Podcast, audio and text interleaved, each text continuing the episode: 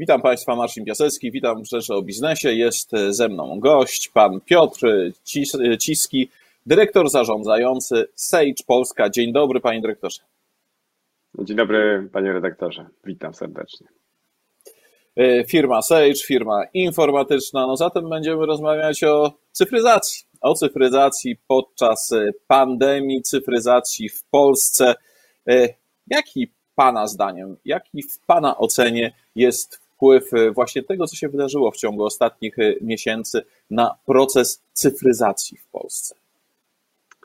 E, ja myślę, że pandemia pokazała nam, że do tej pory usługi, czy nawet e, pewien rodzaj prowadzenia biznesu, który do tej pory wydawał się małym i średnim przedsiębiorstwom praktycznie poza zasięgiem, e, no, ujawnił, że jednak przy pewnym zmianie zachowań konsumentów, e, pewnego rodzaju zmiany z punktu widzenia no, prowadzenia działalności gospodarczej są możliwe, a, a wręcz, że tak powiem, no, są konieczne z punktu widzenia utrzymania działalności gospodarczej. Mówię tutaj o o kontaktach e, z klientami, bo mówiliśmy o cyfryzacji głównie z punktu widzenia analizy danych, prawda? Z punktu widzenia przetwarzania tych informacji przez przedsiębiorstwa. A podczas koronawirusa mieliśmy do czynienia z przesunięciem tej granicy bardziej na ten element obsługiwania klientów, cyfrowego obsługiwania klientów, e, umożliwienia tym klientom zamawiania produktów z dostarczaniem do domu, czy nawet coś, co wydawałoby się niemożliwe, świadczenie usług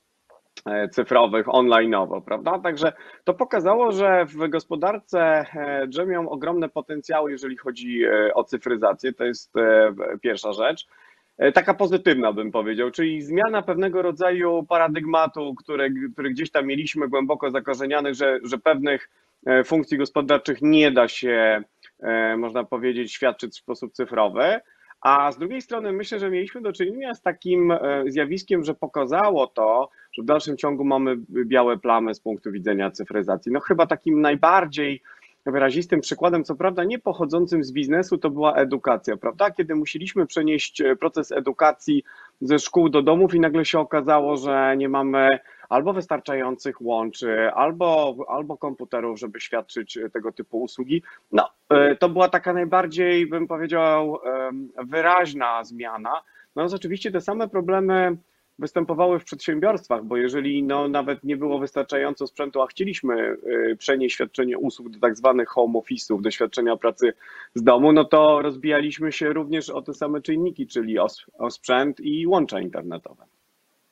No właśnie, y, zostańmy przez chwilę przy tej pracy zdalnej, bo z jednej strony jest to dosyć masowe zjawisko w, te, w tej chwili, bardzo masowe podczas, e, podczas zamrożenia e, gospodarki. Jakie tutaj wnioski? Ja na przykład spotkałem się z, z zastrzeżeniami takimi no, dotyczącymi kwestii, po pierwsze, sprzęt to jedna sprawa, ale druga sprawa to systemy, na których pracują firmy, bardzo czasami, czasami różne, niekompatybilne między sobą. No i trzecia sprawa to jest bezpieczeństwo. Jak pan e, ocenia pracę zdalną Polaków pod tymi względami? Ja myślę, że e, bym powiedział tak. Pierwszy aspekt to jest taki aspekt technologiczny, czyli to są narzędzia i myślę, że to są narzędzia, panie redaktorze, bym powiedział, umiejętność korzystania z tych narzędzi, prawda? Bo z jednej strony możemy mieć dzisiaj e, narzędzia, ale jeżeli następuje, czy mamy do czynienia z takim, no, nazwijmy to wykluczeniem cyfrowym z punktu widzenia edukacji, no to nawet jeżeli mamy narzędzie, e, to tak naprawdę jeszcze musimy mieć pewnego rodzaju umiejętności, żeby z tego skorzystać. Więc e, zgadzam się, pewnego rodzaju no, unifikacja czy wprowadzenia pewnego rodzaju narzędzi, które są darmowe, otwarte i zbudowanie edukacji wokół nich, to, to są takie bardzo ważne elementy. W tej chwili ciężar tego firmy wzięły na siebie. I oczywiście no, nie będę ukrywał, że wzrost takich e, zainteresowania takimi narzędziami podczas COVID-a nastąpił, e, można powiedzieć, wręcz eksplodował. E, to jest pierwsza rzecz i myślę, że te narzędzia z jednej strony pomogły nam e, z punktu widzenia zwiększenia produktywności, ale muszę powiedzieć, że też z drugiej strony otworzyły pewnego rodzaju, czy ujawniły pewnego rodzaju bariery z punktu widzenia współpracy. bo bardzo często mamy do czynienia w, przedsiębiorstwie, gdzie pracujemy w zespołach, prawda, w zespołach projektowych, albo nie wiem, wymaga to współpracy w danych działach lub między działami, lub nawet między danymi firmami a, a kontrahentami, prawda? E, w związku z czym to jest jeszcze taki problem, bym powiedział, takiej unifikacji tych narzędzi, żeby zarówno nasz kontrahent, e, czyli na przykład, no nie wiem, klient zewnętrzny, czy nasz dostawca, również potrafił się z nami e, skomunikować w, w, w, tym narzędziu, którego używamy. Także bym powiedział, ta powszechność narzędzi, ale również powszechność wiedzy i umiejętności cyfrowe to tak naprawdę decydowały o tym, czy przedsiębiorstwa no, przechodziły przez ten e, kryzys, e, że tak powiem, suchą stopą, czy, czy tak naprawdę no, rozbijały się o, o te rzeczy, które no, można powiedzieć gdzieś już dawno powinny zostać w tych przedsiębiorstwach zainstalowane i, i, i, wdrożone. Także to są nasze takie, takie doświadczenia. No i później tak jak w ogóle zbudować taki model, panie redaktorze, pracy i współpracy, prawda? No bo bardzo często mogliśmy się spotkać z naszym kontrahentem, e, no, przedyskutować, czy, czy były jakieś spotkania w ramach firm. Te spotkania przeniosły się do, do, do, do sieci wirtualnej, no i tutaj pojawiły się wszelkiego rodzaju elementy związane z bezpieczeństwem, prawda? E, bo, bo to jest taki bardzo ważny e, element i myślę, że tutaj jest też e, bardzo ważna rola państwa. Jeżeli mamy do czynienia z taką dużą zmianą cyfrową, to również no, mus, muszą powstać pewnego rodzaju, bym powiedział, instytucje, czy think tanki, czy, czy w ramach pewnych agent, czy rządowych, czy współpracy z uczelniami, na wytworzenie pewnego rodzaju polityki bezpieczeństwa. No i również dobrze by było, żeby taka polityka bezpieczeństwa e, była wprowadzana i nadzorowana przez, e, no, czy nawet można powiedzieć koordynowana przez pewnego rodzaju instytucje, bym powiedział takie niekomercyjne, gdzieś właśnie wywodzące się z administracji państwowej. No właśnie, i tutaj prawdopodobnie wielu przedsiębiorców zadaje sobie pytanie, co dalej. Z jednej strony mamy odmrażanie gospodarki, mimo tego, że e, epidemia wcale, wcale nie minęła. No ale wydaje się to po prostu koniecznością, żeby gospodarkę e, odmrozić. Kiedyś, kiedyś też, za jakiś czas, albo jak najszybciej, epidemia zostanie opanowana. Natomiast, e, no cóż, czy uznaje Pan tę zmianę, ten przyspieszony kurs cyfryzacji, jakim przeszła co najmniej część przedsiębiorstw, za zmianę, która ma charakter trwały, E, e, i e, przedsiębiorstwa powinny dalej iść w tym kierunku, czy w momencie powrotu sytuacji do normy, no cóż, no można zahamować, można wrócić, wrócić do tego, co było, co było przed wybuchem, wybuchem pandemii, czyli no działanie do działania znacznie bardziej stacjonarnego. Proszę mi powiedzieć, jaka jest Pana opinia? Ja, panie redaktorze, troszkę się martwię. Mianowicie martwię się o to, że e, po tej, e, można powiedzieć, pomocy, bardzo potrzebnej zresztą dla przedsiębiorców, jeżeli chodzi o utrzymanie płynności i utrzymanie miejsc pracy, e, i, i jak gdyby no to, co zostało zaadresowane przez tarczę antykryzysową, że zatem nie poszedł taki, mm, taki element, który widzimy w innych krajach, takich jak Wielkiej Brytanii i w Niemczech, element budowania, bym powiedział, takiej tarczy na przyszłość. Mianowicie tarczy związanych ze zwiększeniem produktywności gospodarki, ale również e, z cyfryzacją, a co za tym idzie, również e, ze wzrostem konkurencyjności naszej gospodarki i naszych przedsiębiorstw na arenie europejskiej czy międzynarodowej.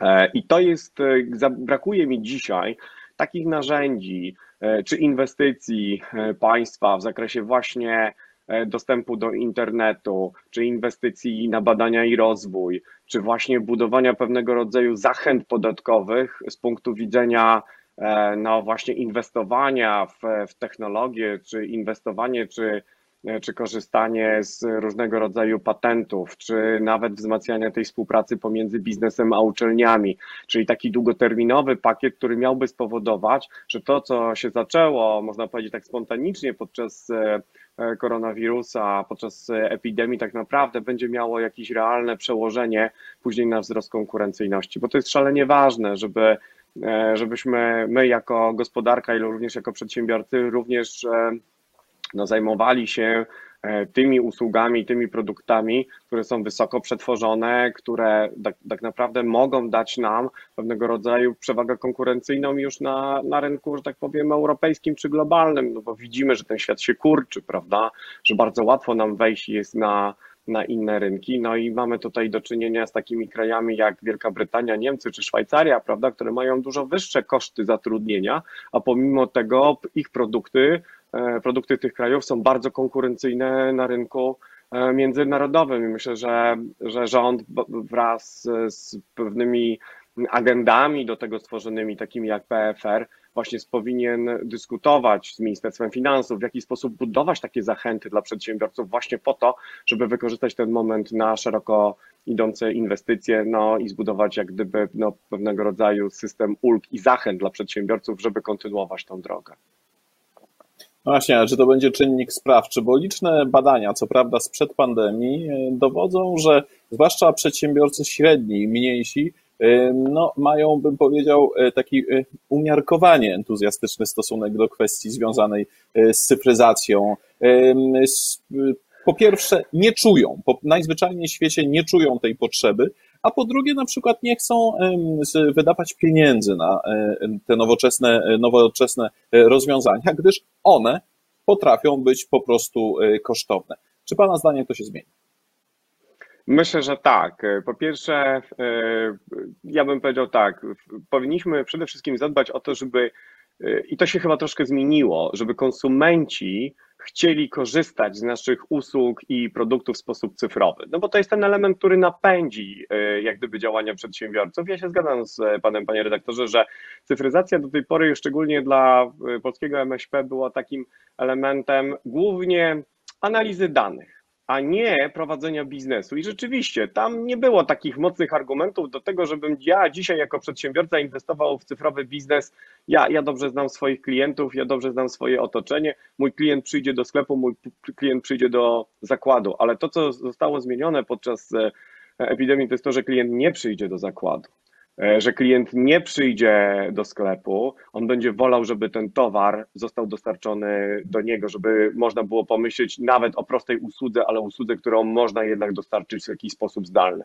I to dzisiaj powoduje e, ogromną zmianę w sposobie myślenia przedsiębiorców. Jeżeli e, nie nastąpi cyfryzacja gospodarki, to ci klienci przejdą do, do tych podmiotów, które takie usługi i ten sposób korzystania z robienia zakupów chociażby no, wprowadzą na rynek. Proszę zwrócić uwagę, co się stało. Wszystkie platformy e-commerce'owe w Polsce tak naprawdę e, zanotowały wzrosty nie 100%, tylko zwiększyły obroty 3 czy 4-krotnie i to jest zmiana trwała, bo klient, który w ten sposób zaczął robić zakupy, no jest duża szansa, że będzie kontynuował w ten sposób. A muszę jeszcze panu powiedzieć o jednej bardzo takiej prozaicznej rzeczy. Bardzo wiele sklepów czy małych przedsiębiorstw myślało i działało na rynku lokalnym, myśląc, że właśnie ta cyfryzacja nie jest potrzebna. I proszę zwrócić uwagę, pewnego rodzaju limity w sklepach e, dla, dla klientów spowodowały to, że bardzo ciężko było zarządzać no, pewnego rodzaju stanem magazynów, no bo e, po pierwsze, nie wiedzieliśmy, czy ten klient przyjdzie. Po drugie, limity spowodowało, że nie mogliśmy sprzedawać tak szybko, jak na przykład byśmy chcieli. I tutaj z, ogromną pomocą może przyjść po prostu prosty system e, informatyczny, który mówi o tym, dobrze, to, to wejdź na moją witrynę, prawda, zamów sobie to, co chcesz w moim sklepie, chcesz to podjeść i ta paczka będzie czekała na ciebie. Niektórzy przedsiębiorcy radzili sobie w taki bardzo, bym powiedział, prozaiczny sposób. Zadzwoń do nas, a my towar e, odłożymy ci. Tylko tu pojawia się e, duży problem związany z płynnością. No jeżeli my ten towar odłożymy, a klient się E, nie pojawi, a to jest towar szybko psujący się, no to ja jako przedsiębiorca ponoszę straty. Gdyby ten klient mógł dokonać takiej płatności, zanim odbierze towar, no to wiadomo, że ja jestem jako przedsiębiorca po tej bezpiecznej stronie. Więc to jest ten ogromna, ta ogromna zmiana mentalna, bym powiedział, która zaszła w gospodarce, że nawet sklep e, działający bardzo lokalnie, no musi myśleć o tej cyfryzacji, dlatego że zagraża to jego, e, można powiedzieć, dalszemu funkcjonowaniu w gospodarce. Z drugiej strony określenie cyfryzacja potrafi być takim e, niewiele mówiącym rodzajem zaklęcia, tak? To jest, musi być, ale do końca nie wiadomo, co ono oznacza. E, proszę mi powiedzieć, tak właściwie ci przedsiębiorcy, o których, e, o których mówimy, którzy często stawiają pierwsze kroki wygenerowane no, z konieczności po, po, poprzez pandemię, właśnie pierwsze kroki te, na tej drodze do cyfryzacji. Proszę mi powiedzieć, o czym oni tak właściwie po, powinni myśleć? Co z tych rozwiązań jest w stanie no wiem, że to nie da się uogólnić, ale no, zapewnić im jakiś sukces, rodzaj rozwoju na tej ścieżce. Ja myślę, że to, co, od czego powinniśmy zacząć, to jest od tego, jak kupują nasi klienci lub jak korzystają klienci z naszych usług. To jest pierwsza rzecz i w jaki sposób możemy spowodować, żeby ten proces obsługi tego klienta na, na rynku był y, takim sposobem, powiedział, y, automatycznym i najmniej zależnym od tego czynnika ludzkiego. A, a dalej idąc w tym kierunku, czy moja sprzedaż, czy moje usługi są skalowalne, to znaczy, czy one zależą od jakichś czynników, czy tak naprawdę e, mając system e, informatyczny wdrożony, ja wiem, że dzisiaj obsługuję 10 klientów, ale ten system pozwoli mi w krótkim czasie obsługiwać 100, 1000, a, a, a nawet więcej, na zależności od ambicji naszego biznesu. Czyli bym powiedział, po pierwsze bym popatrzył, w jaki sposób ja skaluję swój biznes, w jaki sposób e, obsługuję klientów i e, w jaki sposób mogę to zrobić taki ekonomiczny, czyli e, że dalsza moja ekspansja gospodarcza nie będzie powodowała u mnie dodatkowych kosztów, bo tak naprawdę za tym stoją systemy informatyczne. Systemy informatyczne mają pomóc przedsiębiorstwu e, w tej skalowalności biznesu, czyli mówiąc krótko, w, w ograniczaniu kosztów ekspansji, w ograniczaniu kosztów wzrostu. To jest, to jest bardzo, bardzo ważne. I ja bym na tym się skupił, bo, bo to spowodowała, że tak powiem, no, epidemia koronawirusa. E, I to byłaby moja taka recepta dla, dla, dla większości przedsiębiorstw w Polsce. E, na koniec naszej rozmowy chciałbym, żebyśmy podyskutowali o kwestiach związanych z pandemią, cyfryzacją i administracją e, państwową. Czy zauważył Pan tutaj, y, no, nazwijmy to jakiś postęp, jakąś zmianę na y, plus wygenerowaną również y, z, poprzez, no, z powodu koronawirusa? Czy administracja państwowa zaczęła być bardziej przyjazna i bardziej użyteczna pod tym względem działania na odległość poprzez cyfryzację? E, myślę, że tak. E, proszę zwrócić uwagę, że już nie mówię o takich wizytach stricte fizycznych, ale nawet czasami trudno było dodzwonić się do urzędów, no bo mieliśmy tak zwany ten efekt pewnego rodzaju e, no, runu na takiego, na, na tą administrację i wykorzystania telefonów po to, żeby się dowiedzieć. I to jest to, co wracając jeszcze również cyfryzacja pozwala nam, że E, że jesteśmy w stanie na przykład przez stronę internetową taki, taki ruch e, obsłużyć, gdzie w przypadku, no nie wiem, ruchu takiego fizycznego, jak i również telefonicznego, no on bardzo zależy od ilości pracowników w urzędzie.